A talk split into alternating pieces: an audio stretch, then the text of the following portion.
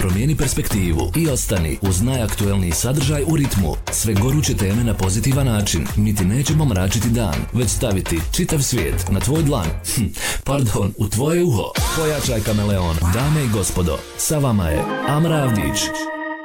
Dobar vam dan, vi gledate i slušate Internaut Show na Radio Kameleonu. Ono što su dobri trendovi jeste da sve više pričamo o sportu na društvenim mrežama. Međutim, da li je to dovoljno na terenu? Kažemo isto tako da ne razdvajamo dječake i djevojčice, muškarce od žena kada su u pitanju sportovi. Međutim, kada dođe do one prave podrške na terenu u vidu financija, u vidu bilo koje druge vrste a, pomoći, čini mi se da tu onda poprilično i zakažemo. Ali nećemo samo o tome. Pričamo generalno o sportu, o ženama u sportu i imam pravu sagovornicu koja vjerujem da će biti iskrena i direktno, odgovo direktno odgovarati na sva moja pitanja. Ona je doktorica nauka, njeno ime je Melika Muratović, profesorica tjelesnog odgoja i sporta i vrlo važno u ovom trenutku za mene, predsjednica ženskog, ženskog e, košarkaškog kluba jedinstva iz Tuzle. Prije svega, dobar dan, dobrodošli. Dobar dan, hvala vam na pozivu. Evo, jako mi je drago da ste tu. Mislim da o sportu moramo pričati, pogotovo uh, često zapravo pričati. To treba uzeti kao neku svoju obavezu. Ali, uh, ajde da krenemo sa jednom važnom informacijom. Negdje smo to ispominjali prije nego što smo krenule u ovaj razgovor. A to je da je jedinstvo 1989. godine bilo prvak Evrope u košarci. Što spada u jednu od najvećih titula kada je riječ o sportu na ovim prostorima. Koliko je situacija drugačija danas? Pa, to je stvarno teško pitanje. Uh, ti trendovi vjerovatno nećemo zadugo biti onaj imat što se tiče klubskog sporta, ekipnih sportova, dugo nećemo imati evropskog eh, prvaka. Nažalost, ta situacija u 21. vijeku je se okrenula nagore, nažalost. Ulaganja u ženski sport su diskriminirajuća jer ulagati u ženski sport je bolje nego u muški s tim da ćete sa manje para dostići veće rezultate. Mi znamo da je da su žene više diskriminirane, da naše društvo, nažalost, još uvijek je u razmišljanju da su žene i za djecu, za kuću, a ne za karijeru. I, nažalost, e, ne prati nas toliko društva i zajednica u kojoj živimo da potiče i razvoj ženskog sporta, nažalost. Kako mislite, ko, ko je, ko bi, koga bismo mogli uzeti kao potencijalni Pa razlog, ajde sad da ne pričamo o pojedincima, ali promišljamo o tome da ukoliko vratimo film, pa imamo jednu Raziju Mujanović iz prošlosti, i evo, navešću samo nju, iako je plejada fenomenalnih žena i sportistkinja, pa ću brzinski preskočiti jedan veliki period i doći do toga da imamo jednu lanu pudar i da vidimo da su žene te koje donose najviše radosti kada pričamo o sportu. Kako je onda moguće da i dalje žena nema u medijima, Ko je za to odgovoran? Jesmo li mi kao žene odgovorne ili pak neki drugi razlog?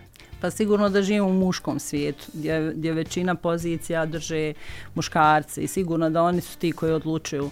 Muški sport je, ako gledamo realno, futbal je najpopularniji sport na, na svijetu ja neko ko dolazi iz ženskog sporta smatram da iako muški sport ima svoju ulogu u društvu i razvijenje kako i jest e, veća su primanja muškaraca u sportu u odnosu na, na žene i nije to samo u, u našem društvu, to je u većim društvima od našeg i uređenijim društvima od našeg. Ako gledamo i Ameriku i, Eng i Englesku, znači Veliku Britaniju vidimo da se i njihove sportašice bune na iznose koje one primaju za iste medalje ili za iste osvajanje titula u odnosu na svoje muške kolege. Mislim, možda malo zapušten ženski sport u Bosni i Hercegovini i konkretno trebala bi biti veća ulaganja da bi dobili veće. Vi, vi ste malo prije spomenuli Lanu Pudar i mnoge još ženske, mislim evo Lana Pudar je dijamant našeg e, sporta individualnog iz neke, vi da bi razvili određeni sport morate imati infrastrukturu. Ako nemate infrastrukture, ja uvijek kažem da detekcija za sport treba da ide iz škole. Ako, ako vi odete na školska takmičenja, vi ćete imati priliku da od 27 škola u gradu Tuzli vidite četiri prijavljene ekipe, na primjer u košarci ili u rukometu. Ja sad govorim o ženskom sportu, a gledam i muški. I onda vidite da u stvari to možda ide i od roditelja. Mi smo skoro onaj, radili prije, u stvari, prije korone, smo radili jedno istraživanje od prvog do četvrtog razreda da vidimo šta djeca u Tuzli najviše treniraju u slobodno vrijeme. Pa ako konkretno gledamo djevojčice od prvog do četvrtog razda osnovne škole, vidjeli smo da su to individualni e, sportovi. I kad smo ulazili dublje u analizu, onda smo vidjeli u stvari, kad sam ja njih pitala zašto, zašto idete svi iz škole na folklor, onda su me rekli zato što je članarina 10 maraka. Mhm. Znači, Znači, dolazimo do toga da talentovana djeca ili, il nadarena djeca neće biti u sportu u kojem bi mogli doseći vrhunske rezultate već e, određuje vam i članarina i društvo u kojoj živite. Znači, neko dijete je možda talentovano za, kao Ilana Pudar, ali njihovi roditelji nemaju za 120 maraka članarina za plivački klub ili tako. Znači, mislim da ulazimo već u sferu gdje članarina određuje šta će koje dijete da trenira. Prije to nije bilo. Znači, prije vas je, ja uvijek kažem da škola treba da ima jak sport, jer iz školskog sporta trebaju da izađu dobri e, sportaši gdje će profesor tjelesnog da selektira djecu u sportove za koje su talentovani. Um, Evo, vi niste samo sportistkinja i niste a, a, samo predsjednica ovog kluba, vi ste i prije svega, što je meni jako važno u ovom trenutku, i pedagog. Šta ste kroz vaše iskustvo primijetili da zapravo žene daju bolje na terenu? Pa, znate šta, ja, ja sam svaki vikend u, u dvorani, ona je s njima na, na takmičenjima, odlazimo. I te, te djevojke iz naše grada, ja stalno kažem da imamo jednu dobru bazu domaćih košarkašica koje su talentovane. Evo i prošle sedmice smo osvojili na eh, juniorsko prvenstvo kantona Tuzla. Idemo dalje na federalno što nam daje nadu da imamo talentovani djevojčica. Mi smo i prošle godine imali e, poziv za naš klub za pet naših članica, dvije za seniorsku ekipu i tri, četiri curce za mlađe kategorije u košarci. Jedna, jedna naša ova, košarkašica mi je rekla, ako ja odem dalje na evropsko prvenstvo, hoćete li doći da me gledate? Ja sam rekla, ako budeš prošlo, ja dolazim sigurno. Tako da je ona otišla na evropsko prvenstvo, ja sam otišla da je gledam i da joj dam podršku kao jedan vid nagrade zato što je se potrudila svojim odnosom i radom u klubu da uđe u 12, odnosno 14 djevojaka koje je otišlo na evropsko prvenstvo, odnosno na, na kvalifikacije koje su održane u Podgorici. Tako da imamo lijepih, stvarno, imamo djevojaka, ja uvijek onaj, kažem, bavljenje sportom do, doprinosi nešto najljepše u životu, što te prijateljice i vaše kolekce i sa igračice ostanu vaš životni prijatelj. I ono što je jako bitno, mi imamo prijatelje širom Bosne i Hercegovine. Mi smo jedan klub koji je veliki brend na Bal Balkanu. Nažalost, ne prati nas uh, posljednje vrijeme rezultati. Mi smo trenutno deseti na tabeli, ali u svim mlađim selekcijama, što znači da budućnost sigurno dolazi, mi se možemo stvarno pohvaliti da su iz ovog kluba proiznikle velike košarkašce, velika Raza Mojanović, i, i dalje i poslije Razije Mojanović su bile i dan danas mi imamo igračice koji igraju u Njemačkoj i dalje koje su ponikle iz ovog košarkaškog kluba. Ja uvijek kažem da je ta mladost koja je u klubu i te djevojke koje zajedno proslavljaju i rođendane i neka lijepa događanja u životu koje se takmiče i zaplaču, znači nekad se i naljute i zaplače, tu su ti trenuci koji se sigurno ne, ne zaboravljaju, da smo mi i u najljepšim i najtužnijim trenucima jedna, jedne uzdrugu. A, I to je sjajan i divan dio odgovora na moje naredno pitanje. A, Priča se također i vrlo je aktualna ta tema mentalnog zdravlja. Gdje smo mi na toj ljestvici da razumijemo koliko nam je ono važno? Tu se ne bi usudila davati svoj sud, ali s druge strane, koliko zapravo u oblikovanju karaktera, jednog stabilnog karaktera mlade osobe, discipline, koliko upravo ekipni sport može da doprinese, pa nadalje onda i sport bilo koje vrste, dakle individualni ili ekipni? Pa mnogi sportski psiholozi upravo potiču da djevojke se bave ekipnim e, sportovima. Vi ćete čuti razna razmišljanja sportskih psihologa da za djevojčicu od 16 godina kad dolaze pubertetske brige i problemi, da je najbitnije da ima taj tim oko sebe. jer svaki problem je manji kad ih podijelite na 15 dijelova. Ja upravo mislim da djevojke u ekipnim sportovima, ja ću evo krenuti od sebe, ja, ja onu ekip koju sam imala kad sam ja igrala, onaj, ja sam inače iz rukometa, ali ta ekipa i dan danas se čuje, izlazi, komunicira, idemo i išli smo i zajedno na razna, znači lijepa slavlja i pamtimo i družimo se i danas. Tako isto za mentalno zdravlje što ste pitali oblikuje jača karakter jer vi kad pobjedite izgubite naučite nešto od lekcije. Kad izgubite i kad pobjedite naučite ovaj u čemu je u čemu je bila stalna analiza u sportu u, kole, u kolektivnim sportovima kao što je košarka jača sigurno mentalno zdravlje e, žene i utiče na njezan karakter da bude jača i sigurno da će takve djevojke, odnosno žene i poslije završetka svoje karijere doprinijeti razvoju ovog društva u kojem mi živimo jer je njih sport ojačao kroz sve stvari koje su prošle u tog svoje karijere. Um, nedavno smo imali, odnosno prije nepuna dva dana, uh, hakaton koji smo radili u Sarajevu i mladi ljudi su uh, pričali o tome kako oni vide obrazovanje u 21. stoljeću. I jedna ekipa je baš insistirala na tome koliko njima fali uh, sporta na fakultetima. Dakle, da je to gotovo zanemareno, negdje ga ima tek u tragovima, naravno ako ne pričamo o fakultetu uh, za sport, ali uh, negdje ga ima u tragovima, negdje nikako. Um, šta vi smatrate? Koliko nam je potrebno potrebno, da li nam je potrebno, zašto je važno baš u tim studentskim danima ne zaboraviti na taj segment neovisno o tome što studiramo.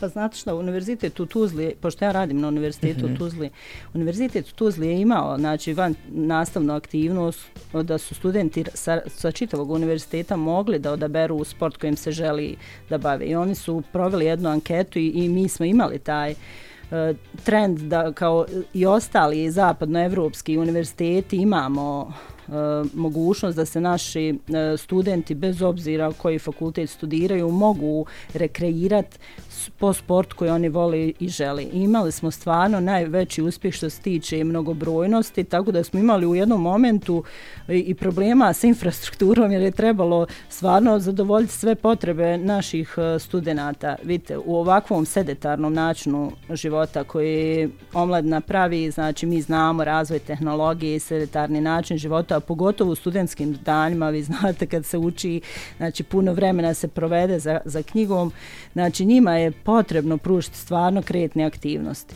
Tako da, da bi ja ako mogu i kako uticala na zajednicu, na društvo, na ljude koji odlučuju o tome, znači da daju podršku da se ponovo vrati taj sistem gdje su studenti imali van tjelesnu, odnosno E, imali izborni predmet, tjelesna aktivnost i odaberu sebi predmet i na taj način poboljšaju, po, poboljšaju jeli, svoje zdravlje, ali ne samo fizičko, nego i, i, i psihičko sigurno. E, vratimo se opet na jedinstvo. E, dakle, šta se trenutno dešava? E, šta su e, neki planovi? Kuda idete? E, šta su neke stvari na koje ste možda ponosni da bi ih mogli izdvojiti u ovom trenutku? Pa najponosniji smo da smo opstali u društvu najboljih. Sigurno prvenstvo BiH je ono što nas čini sretnim. Mi smo već 30 godina u prvenstvu Bosne i Hercegovine. Ja uvijek kažem, teško je opstati u lig naj, najjačih i najboljih. E, sa ovako malo ulaganja u, u ženski klub. E, borba je, prošla godina je bila uspješna, opstali smo u ligi, ono što nas raduje dobri rezultati u mlađim uzrasnim kategorijama, pozivi u reprezentaciji za naše e, člance sudjelovanje na turnirima nam je bilo značajno jer smo stvarno imamo prijatelje širom uh, bivše Jugoslavije koji nas često zovu na turnire, ali zbog finansijskih situacije mi stvarno nekad smo, nismo u mogućnosti da udovoljimo njihovim pozivima. Tako da e, se u ovoj godini stvarno smo počeli sa dobrim e, rezultatima, ostvarili smo, rekla sam malo prije, e, u prvenstvu Bosne i Hercegovine smo deseti na, od 12 ekipa. E, imamo neke značajne pobjede i trućemo se, borćemo se da opstanemo u, u ligi sa ovim što, što imamo. To je jedna mlada ekipa koju čini djevojka od 18 godina koje su budućnost e, kluba.